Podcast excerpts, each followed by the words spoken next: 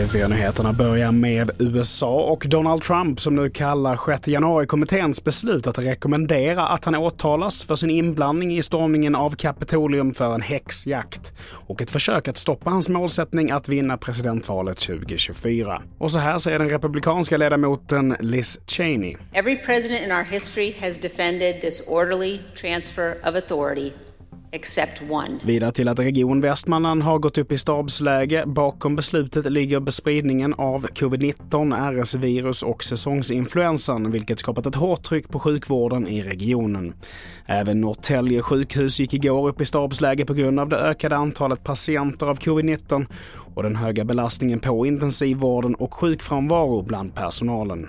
Och till sist, den före detta filmmogulen Harvey Weinstein har fällts för ytterligare en våldtäkt och riskerar nu att dömas till 24 års fängelse. Straffet kommer då adderas till det 23-åriga straff som 70-åringen redan avtjänar sedan 2020 då han dömdes för våldtäkt och sexuella övergrepp på två kvinnor. Det var anklagelserna mot Weinstein som drog igång hela metoo-rörelsen 2017. Fler nyheter hittar du på tv4.se. Jag heter Mattias Nordgren.